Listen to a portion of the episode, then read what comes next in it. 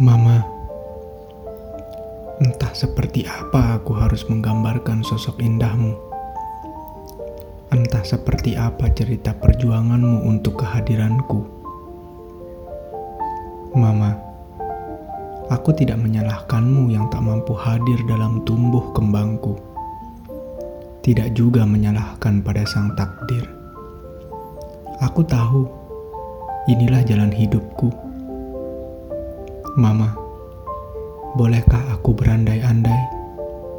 Bukan, bukan untuk meratapi nasibku yang tumbuh tanpa belai kasihmu. Aku hanya ingin, aku ingin seperti mereka yang bisa bermanja.